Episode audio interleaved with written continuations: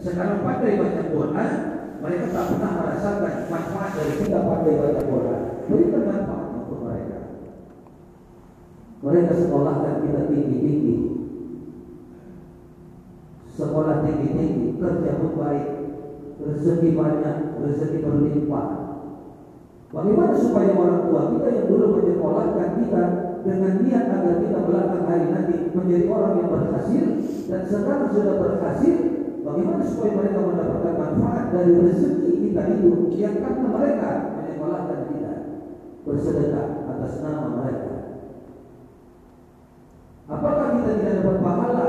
Salah kalau ada paham seperti itu. Pahala kita tidak berkurang. Bahkan mereka mendapatkan pahala yang sama seperti kita. Kita bersedekah, kita berinfak, kita berwakaf misalnya, niatkan pahalanya Allah berikan kepada mereka, kita dapat pahala dari sedekah kita itu, mereka juga mendapatkan pahala di alam kuburnya dari sedekah, dari infak dan dari zakat kita itu. Justru rugi kita kalau mereka kita tidak niatkan dalam amalan-amalan kita tadi. Berarti tidak putus jalan. Tidak putus jalan meraih tiket surga walaupun sang tiket surga itu sudah meninggal dunia. Kedua orang tua kita tidak tertutup jalan untuk meraih anak kunci surga walaupun yang punya kunci surga itu ada di telapak kaki mereka mereka sudah berpulang ke alam barzah mereka berada di alam kuburnya putus bagi kita. Ini yang kedua. Kita manfaatkan keberadaan kita masih di dunia ini untuk kedua orang tua kita. Itu yang menjadi tiket bagi kita surga bagi kita. Dan ini juga kita ajarkan kepada anak-anak kita. Kita ini tiket surga bagi anak-anak kita. Jangan sampai mereka menyia-nyiakan kita. Masih hidup, tak mau berkunjung, tak mau melihat orang tua. Begitu nanti sudah meninggal, meraung-raung di atas kuburannya. Untuk apa? Ketika masih hidup, tak ditengok orang tua kita itu masih sehat apa enggak? Makannya masih semangat apa enggak? Berikan apa yang dia mau, dia inginkan, mau makan apa.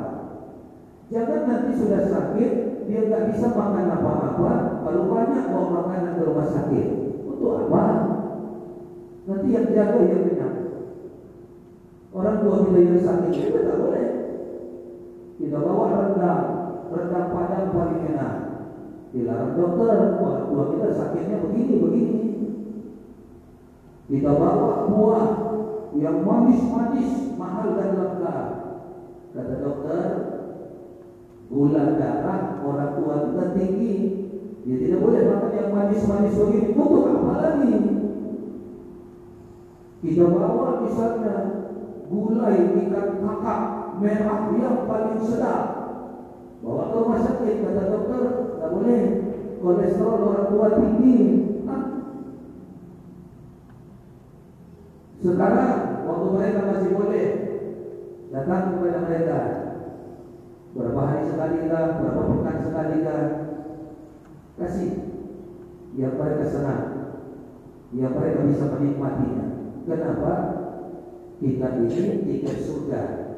Bagi anak-anak kita dan orang tua kita itu tiket surga bagi kita.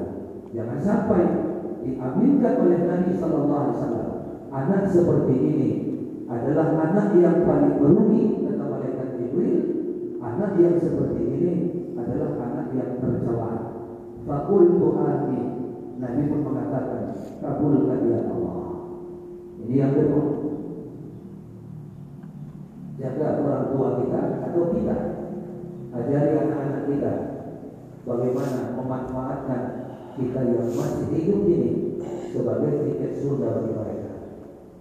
Kemudian Bapak dan Ibu jemaah yang dirahmati oleh Allah Subhanahu wa taala, yang ketiga, ketika malaikat dan ketika Nabi Muhammad naik ke tangga ketiga dari mimbarnya yang lalu kan saya sebutkan mimbar Nabi di Madinah itu naik tangga bisa kita lihat waktu menunaikan haji waktu umrah nampak itu mimbar Rasulullah itu tinggi naik tangga. Di Masjidil Haram juga begitu pakai tangga walaupun di Masjidil Haram tidak menetap di satu tempat dia bisa digeser-geser. Kadang-kadang letaknya di dekat pintu Ka'bah kadang-kadang letaknya di dekat di dekat Hajar Aswad kadang-kadang letaknya di dekat uh, Syar Jarwan kadang-kadang letaknya di dekat Gejer Ismail kadang-kadang malah di belakang di lantai dua misalnya tidak ada masalah. Ya karena apa karena kiblat di Ka'bah itu dari sudut mana saja untuk kiblat sama kita. Beda kalau Masjid Nabawi satu arah kiblatnya ke Ka'bah kita juga begitu. Satu arah ke Ka'bah sana. Tidak boleh sekali-sekali ngadap sana lah kita. Kayak kayak di Masjidil Haram. Sekali-sekali ngadap sana lah kita kepada karena Masjidil Haram itu sebuah kiblat. Ngadap ke mana pun kita dari Ka'bah itu itu bagian dari kiblat. Nah yang ketiga ketika Nabi kita sudah berada di tangga yang ketiga dari mimbar tersebut maka disebutkan dalam hadis itu Rabbima anfa'alin au ba'uda dukirta indahu falam yusalli alaika fakultu